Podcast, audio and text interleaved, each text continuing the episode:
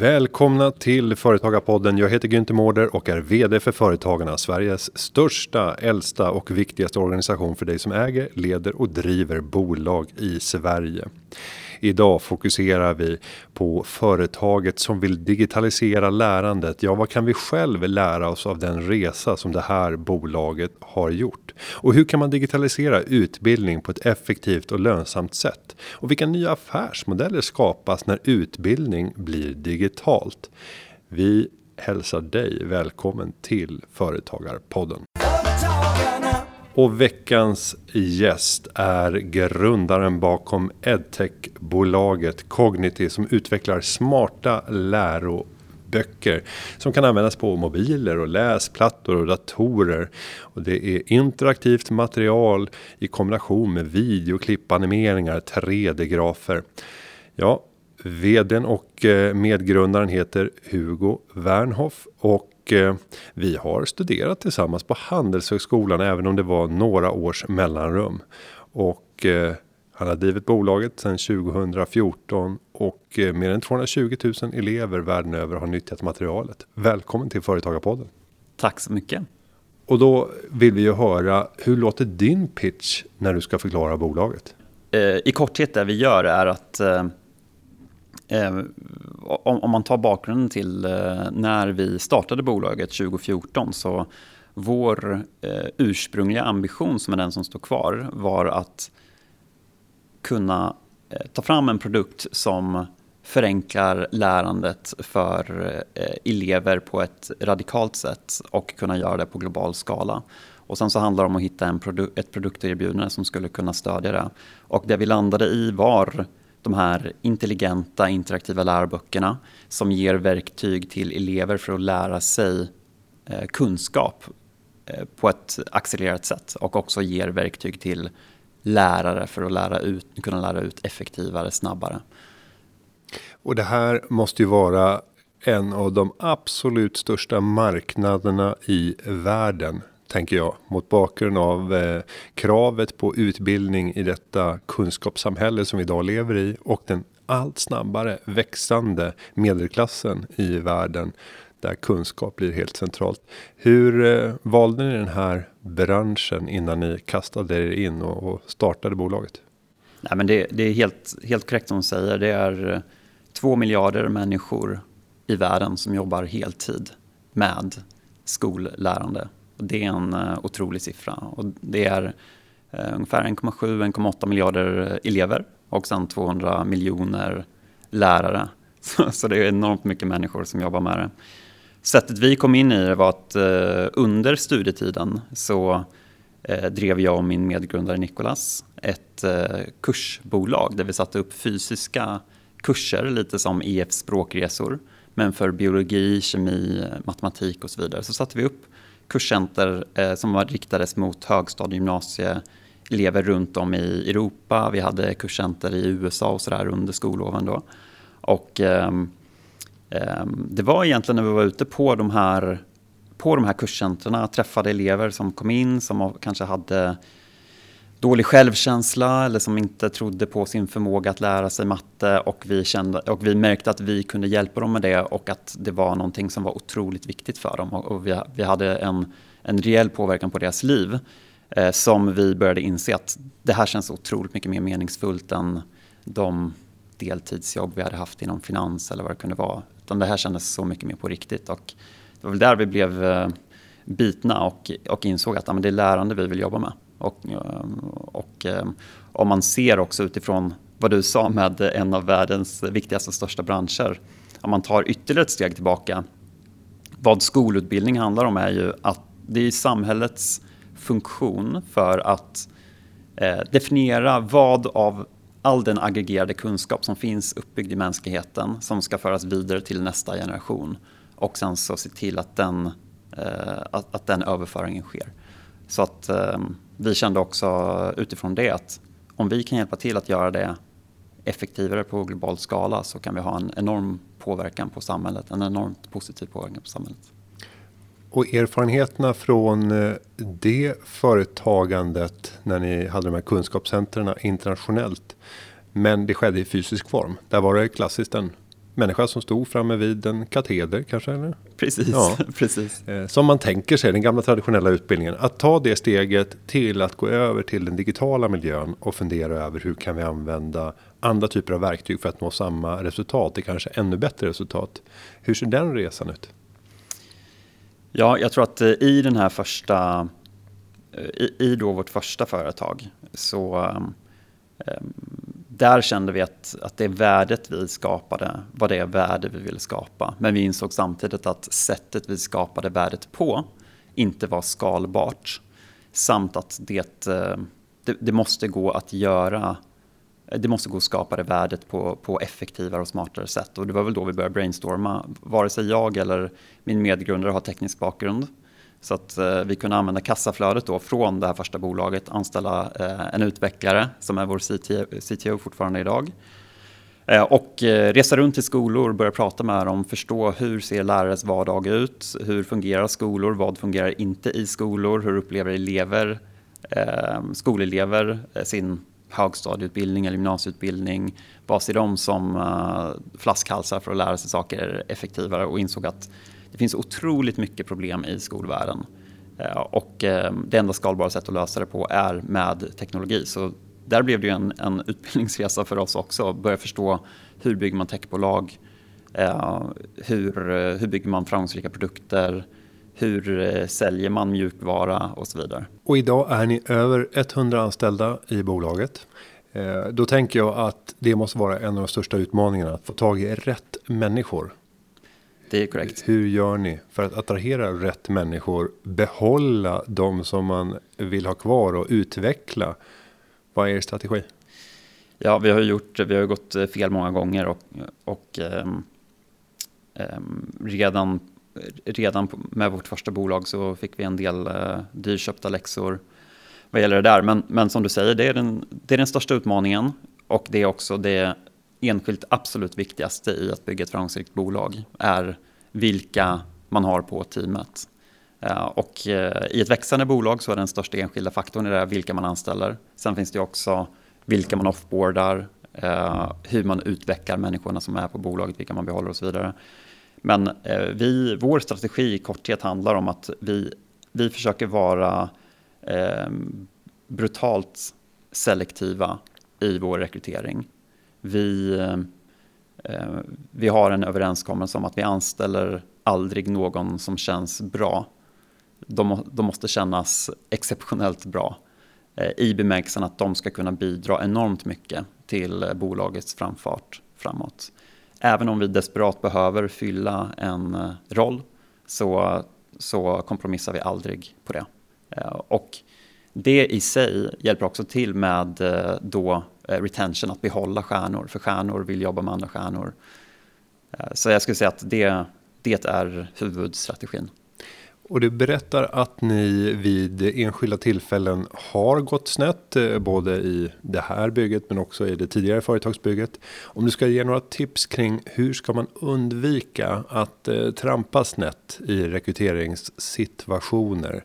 Vad är lärdomarna som ni har dragit som gör att ni förhoppningsvis kommer göra färre misstag framåt? Man, eh, man har massor av eh, nu hittar jag inte det svenska ordet, men man har väldigt mycket biases. Man, man, har, man har förutfattade meningar. Förutfattade meningar och ofta undermedvetna förutfattade meningar.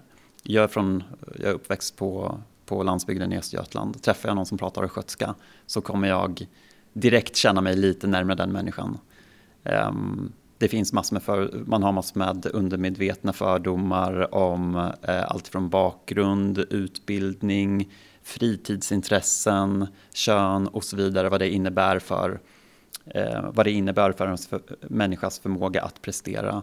Så jag tror att en viktig del är verkligen att rensa sitt huvud på så många sådana förutfattade meningar som möjligt. Hur gör man det då? Det handlar om, om um, att ha en eh, bra selektionsprocess där man kan faktiskt testa kompetenser. Som exempel så eh, så har vi alltid, eh, eh, vi, vi lägger ganska mycket tid och energi på att bygga caseövningar som ska simulera faktiska arbetsuppgifter och som ska kunna eh, säga i vilken utsträckning en person kommer kunna prestera i, med de ansvar som de förväntas ha.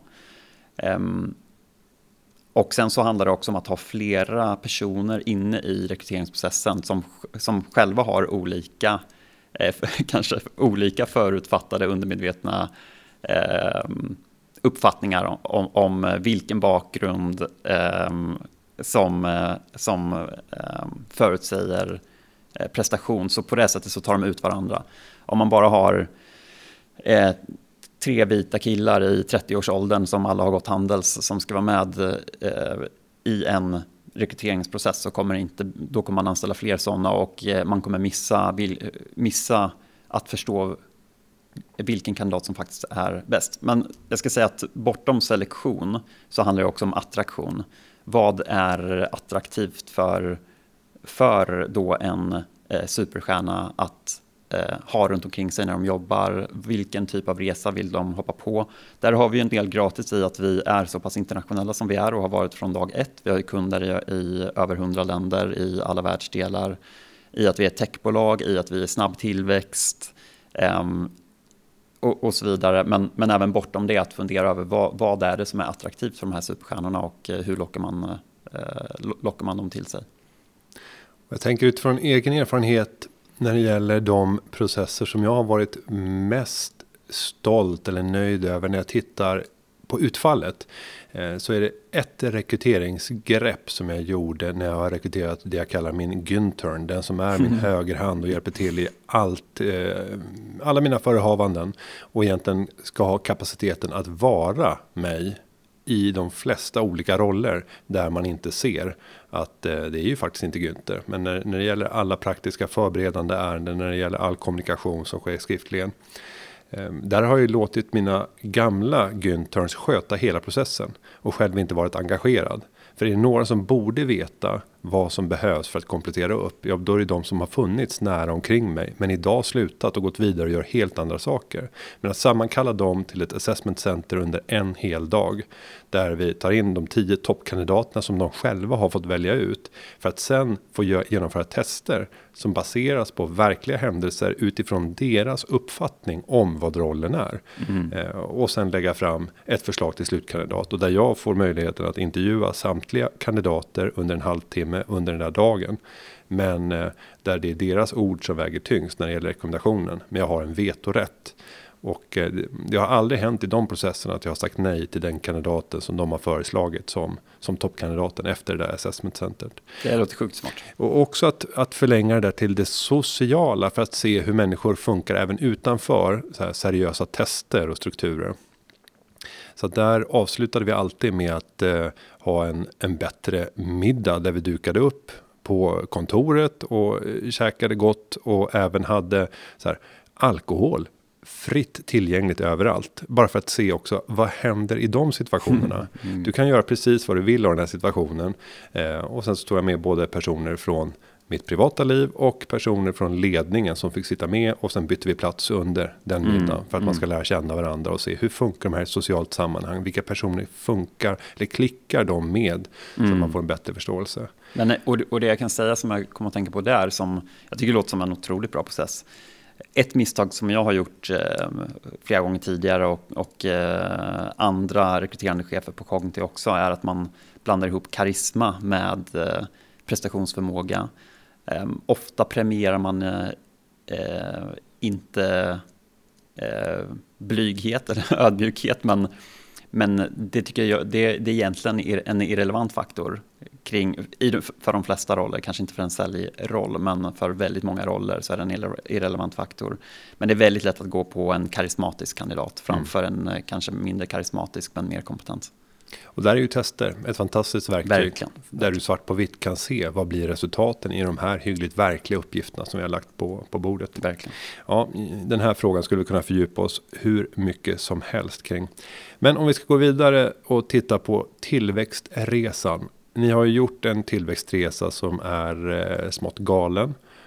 Och då är frågan, för de företagare som sitter nu och lyssnar på det här. Vad är det de ska tänka på om man ska försöka förbereda sig för att kunna växa kraftigt?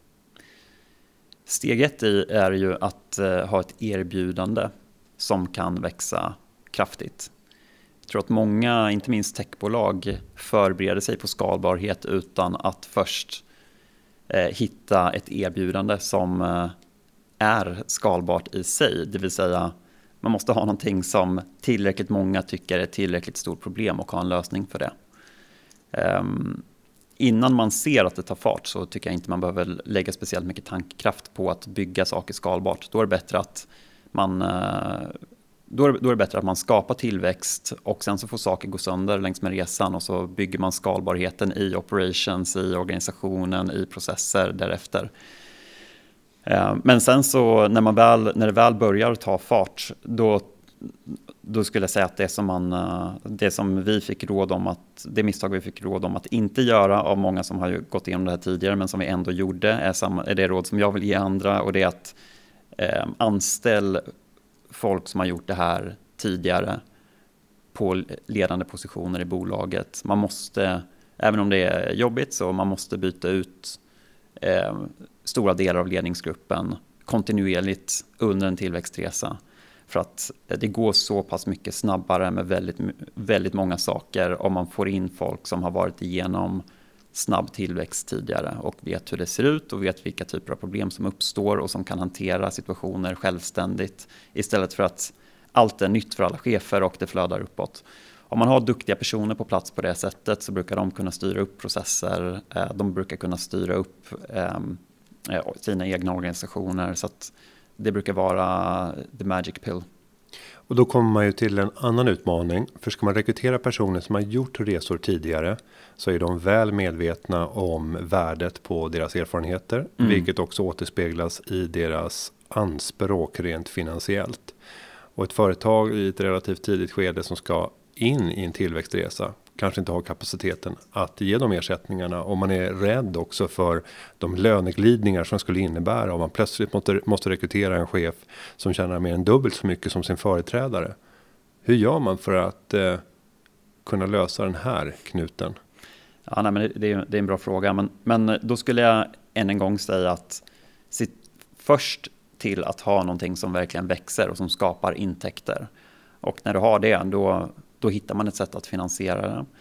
Jag såg någon studie från något av de stora konsulthusen, jag kommer inte ihåg om det var Bain eller eh, BCG eller, eller McKinsey som, som hade studerat för ett antal olika yrkeskategorier hur, eh, hur mycket progress som, de, eh, som topp 5% i sitt skrå skapade för ett företag, hur mycket resultat de skapade för, för sitt företag gentemot medianen för det skrået. Så till exempel mjukvaruutvecklare, bolagsjurister. Eh, och i kunskapsintensiva yrkesgrupper så handlar det ju om 8 till 15 x. Men om du, om du då tar topp 5% inom en yrkeskategori och deras lön kommer inte vara eh, det kommer inte vara 10-15 x medianpersonen i det yrkesskrået, utan det kanske kommer vara 20, 30, 40, 50 procent högre. Och det kommer helt enkelt vara värt det. Vi kom ju själva från vårt första bolag, vi hade ingen extern finansiering, vi vände på varenda krona. Vi körde eh, klassiska racet med 100 timmars veckor, eller, ja, 100 timmars veckor och eh, betalade 12 000 eh, i månadslön till de som var galna nog att hoppa på det. Och det var ju andra kurskamrater och sådär gav dem väldigt mycket ansvar och fick in massor med unga, hungriga generalister. Skarpa, duktiga, socialt kompetenta. Och man kommer en bra bit på det i början, men till slut måste man bara ta in folk som har gjort det här innan. Och som du säger, det är dyrt, men man får hitta ett sätt att betala det för att det kommer betala sig många gånger om. Mm. Och i den här resan så har ni tagit in externt kapital? Ja, det har vi gjort. Den resan och övervägandena inför att ni tog in det kapitalet, hur såg den ut? Det där är någonting som man brottas med eh, hela tiden och som vi har brottats med kontinuerligt från dag ett. Hur mycket kapital ska man ta in när? I korthet kan man säga så att om man tror att om man både tror och ser i siffror att man kommer få en väldigt bra utväxling på extra investerat kapital, då är det vettigt att ta in mer kapital. Um, om, man, eh, om det bara är att man vill ta in mer kapital för att växa snabbare utan att man egentligen har tur, då ska man inte ta in mer kapital. Vi har tagit in ungefär, eh, ungefär 100 miljoner kronor eh, nu senaste fem åren eh, i lite olika omgångar. Ehm, och jag skulle säga att, att nu så närmar vi oss ett, ett, eh, ett Eh, stadium i, i bolagets resa där vi, där vi verkligen ser att stoppar vi in en krona i eh, produktutveckling eller i sälj så kommer vi få, vi ser väldigt tydligt siffrorna, att då kommer vi få tre, tre kronor ut om ett eller två år. Och eh, ser man det tydligt, då, då så är det vettigt att ta in kapital. Sen så finns det också lite, bara vad vill man leva för liv? Eh, vill man leva ett, eh, ett liv med, väldigt, med mycket press och högt tempo och försöka bygga något väldigt stort? Ja, men då eh, generellt sett så är det vettigt, kan det vara vettigt att, att överväga att ta in kapital. Vill man ha ett liv eh, där man driver ett bolag som man trivs med i den takt man själv vill, vilket är ett, eh, kanske ett vettigare val egentligen, eh, men kanske inte med, med globala ambitioner, då är det ju allt annat lika bättre att inte ta in externt kapital. Mm. Ja, man får fundera på vad som är rätt. För er del så innebar ju resan rätt tidigt att ni erhöll eh, många priser. Vad eh, betyder det där för er och eh, vad har ni för tips till andra företagare när det kommer till olika typer av tävlingar som kan ge uppmärksamhet? Vad är, vad är värdet och vad är eventuella baksidor med den här typen av uppmärksamhet? Ja, som du säger så, så eh, vann vi en hel del priser och eh, eh, jag ska till att börja med att säga att, att jag var själv inte speciellt delaktig i ansökningsprocess. Jag är ingen duktig pitchare på det sättet och, och eh, är i allmänhet lite medieskygg. Så att eh, jag, jag, har inte gjort speciellt mycket av eh, den typen av eh, events själv. Eh, och är kanske i viss mån lite skeptisk till, eh, eh, till vilken förmåga säg en, en jury som tittar på varje bolag i, i 20 minuter har för att faktiskt avgöra vilket är Sveriges bästa techbolag och, och så vidare. Eh, det det inneburit för oss är definitivt att det har gett en liten boost vad gäller eh, eh, det som kallas employer branding, alltså vår, vår förmåga att attrahera riktigt duktiga människor och det är nog också det viktigaste. Baksidan av det här är väl att många, många fokuserar så pass mycket på många kan vara mer besatta av att vinna priser än av att bygga ett bolag och göra det hårda och väldigt slitiga arbetet som det innebär. För det är att, att stå på en prisceremoni utan att jag eh, själv tror jag någonsin gjort det. Men det kan ju kännas väldigt glamoröst. Och att driva bolag är ju många saker men definitivt inte glamoröst. Kan det här stjäla fokus också från att utveckla bolaget om man börjar titta på vilka olika tävlingar kan vi vara med i och hur kan vi tweaka vårt bolag för att öka våra sannolikheter att ta hem det här priset? Ja, eh, verkligen, det, det, skulle jag säga. Mm. Det är, alltså sanningen är att eh, det är jävligt hårt och jobbigt eh, mentalt att driva bolag.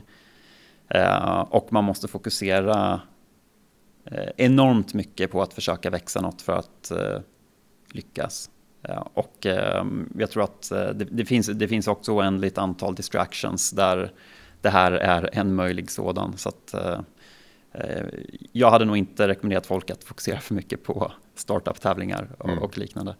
Och nu vill jag här, tränga mig in här och så här, nyansera bilden. För ja, absolut. Nu, nu, nu lät det lite negativt när du talade om att, att driva bolag, att det är oerhört tufft, det är pressande. Och, och så är det ju. Och fattar man beslut om att driva ett, ett bolag med globala ambitioner och som ni hör här också ta in 100 miljoner i, i externt kapital. Det är ytterst få som gör det.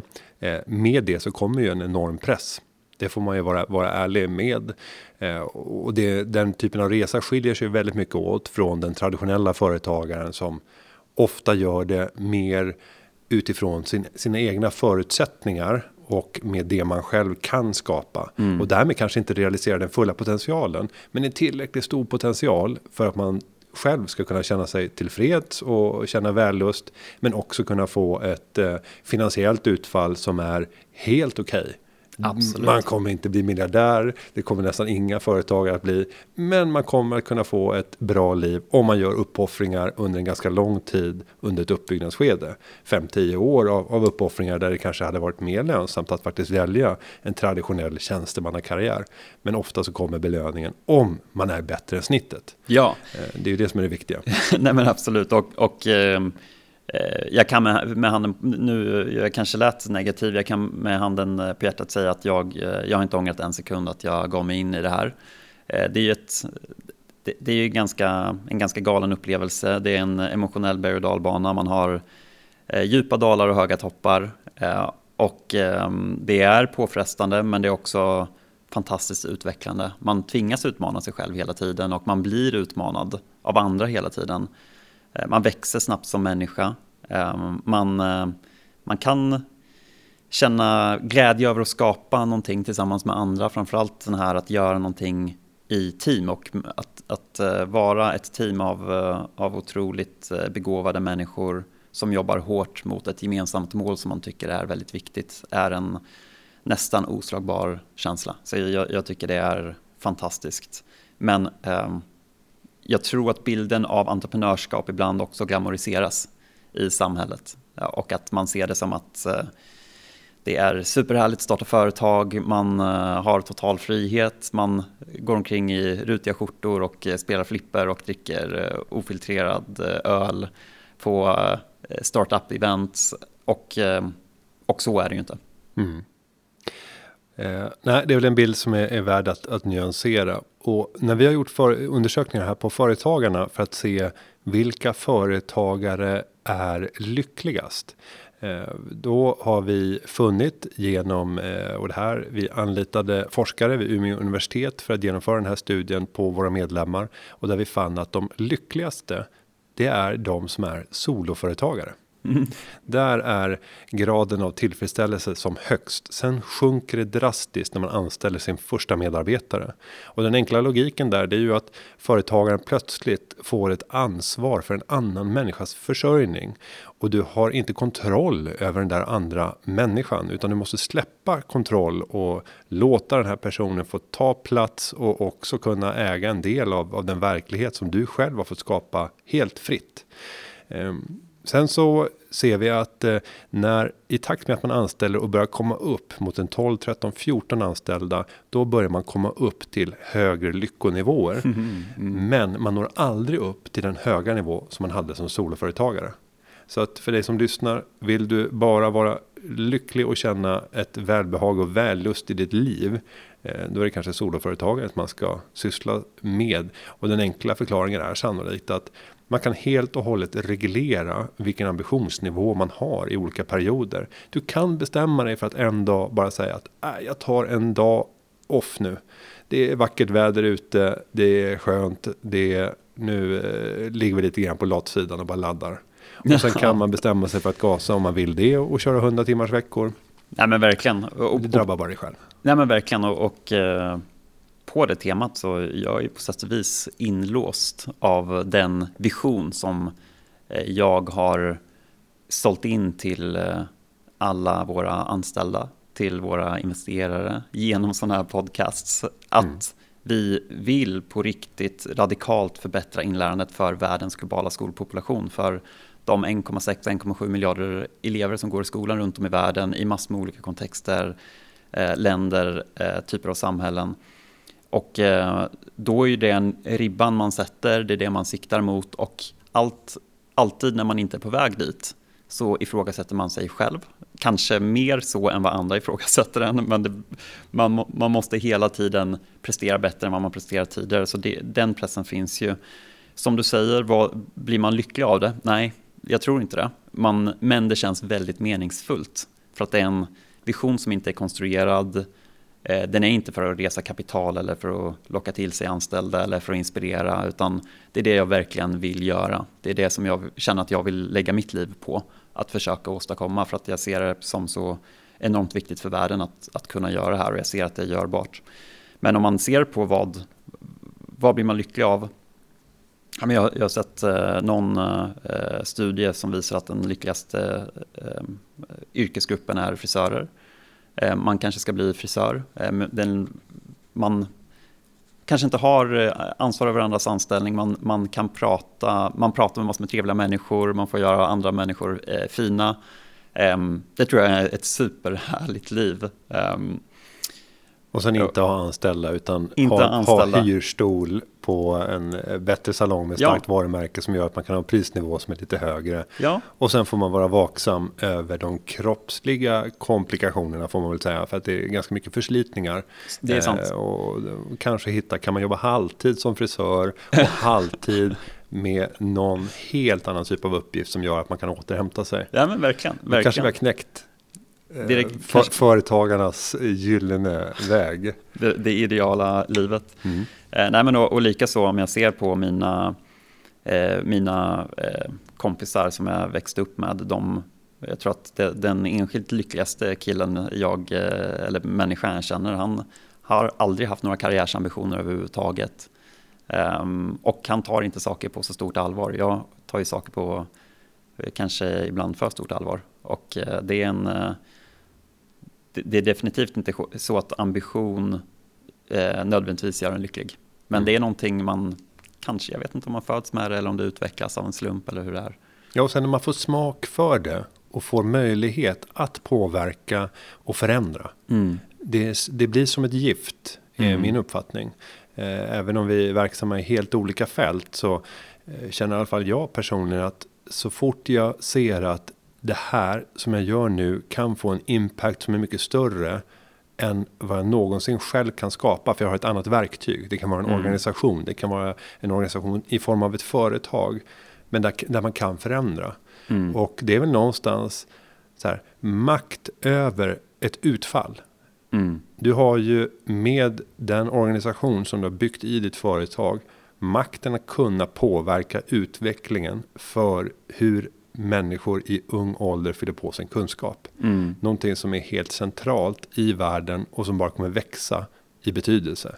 Att få vara och ha makt för, över utfallet i en sån sektor måste ju vara rätt eh, sprudlande när man tänker kring det. Mm. Nej, men också att det är eh, det finns väl två nivåer som jag ofta återkopplar till. Den ena är det som jag nämnde i början, bara den samhälleliga effekten. Att om man lyckas, om, om vi lyckas se till så att eh, världen, världens skolelever lär sig eh, 50% mer effektivt under varje år och sen så har man då compounding effects av det här under en 12-årig skolgång. Jag tror att eh, det kommer vara färre konflikter i världen, det kommer vara mindre fördomar, demokratier kommer vara mer funktionella, mindre populism som är någonting som jag på allvar tror kan sätta hela vår civilisation ner i diket. Eh, så, så jag tror att vi har, en, eh, vi har en förmåga, att, eh, eller en potential att verkligen ha en stor samhällspåverkan. Det andra är det individuella perspektivet. Så många eh, barn och ungdomar runt om i världen som inte har tillgång till eh, vettig utbildning eh, i ja, men framförallt i, både i västvärlden men, men även i, eh, men kanske framförallt då i, i Afrika, Indien, Sydamerika. Eh, där det inte finns, där det finns lärarbrist, det finns brist på utbildade lärare, det finns eh, ingen historia av vettig pedagogik. Kan vi täcka upp för en del av det där med hjälp av eh, teknologi och se till att skapa mer rättvisa individuella människoöden? Eh, och eh, såklart som du är inne på, det, det bara känns så enormt viktigt och det är är nästan som att ambitionen föds av ur en frustration att inte mer sker och inte, att det inte mer har skett. För det har ju i stort sett inte hänt någonting inom utbildning med hjälp av teknologi.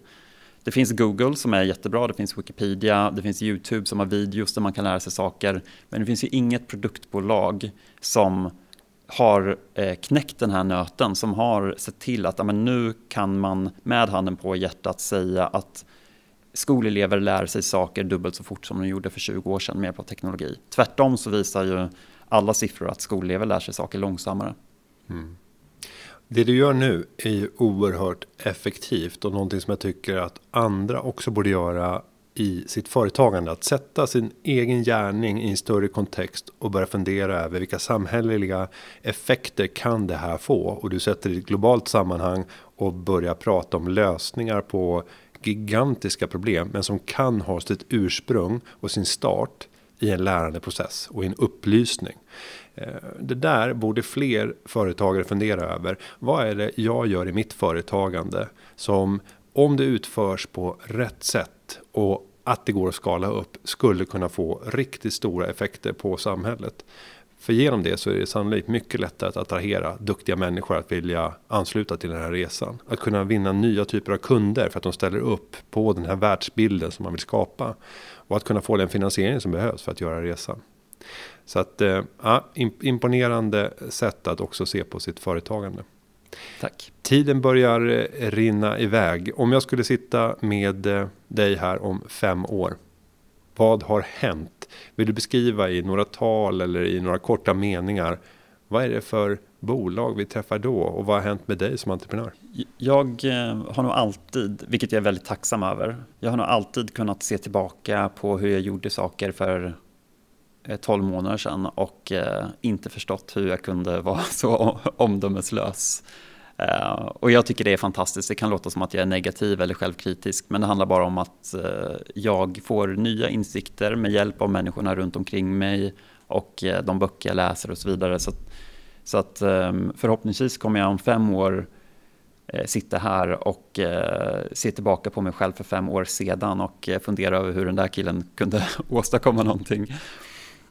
Ehm, med Cognity så handlar, jag såklart, så handlar det såklart om att jag, jag hoppas att vi har kunnat eh, åstadkomma både en djupare impact, det vill säga vilken impact har vi på en individuell människas liv och sen så en, en eh, bredare eh, reach så att vi har kunnat, eh, kunnat sprida den här påverkan till väldigt många fler skolelever. Eh, I dagsläget så, så har vi då eh, hjälpt drygt, eh, drygt 200 000 elever och eh, vi har en, definitivt en signifikant påverkan på deras inlärningshastighet. Men om fem år så vill jag att vi ska ha en radikal påverkan på människors eh, inlärningshastighet. Det här ska, kognitivt ska vara som en accelerator som direkt när den, eh, när den tas ombord av en skola så, så ska hela skolan eh, ifrågasätta hur har vi någonsin kunnat, kunnat bedriva en verksamhet utan kognitiv tidigare. Och det där säger Hugo Wernhoff, vd och medgrundare för Cognity. Jag hoppas att vi kan sitta här kanske om fem år. Och jag vet inte om jag, det lät nästan som att jag ska förbereda mig på att ta med en skämskudde åt dig. Ja, men, det. Eh, men det tror jag inte kommer att behövas. Jag vill säga ett, ett stort tack eh, för ett eh, härligt samtal som jag hoppas ska inspirera fler företagare till att våga tänka större. Tack för att du kom till Företagarpodden. Tack så mycket Günther. Och jag ska också säga till dig som lyssnar. Vill du ha mer inspiration, träffa och lyssna till andra härliga inspirerande entreprenörer. Gå tillbaka i historiken av Företagarpodden och titta bland alla de gäster som vi har haft i de här 252 avsnitten som vi har avklarat. Och det är faktiskt inte helt sant för vissa specialavsnitt har vi inte ens nummersatt så jag tror vi är uppe i 270 kanske eller 280. Det finns också mängder av inspiration att få på företagarnas webbplats. Gå in på driva företag”-fliken eh, så finns det mängder av material. Med det ska jag säga att underlaget för dagens podd är som vanligt gjort av David Hagen och klippningen den görs av Petra Chu. Vi hörs igen nästa vecka. Ha det så gott. Hej då! Företagarna, ja, ja, ja, ja, ja, ja. Företagarna ja, ja, ja, ja, ja,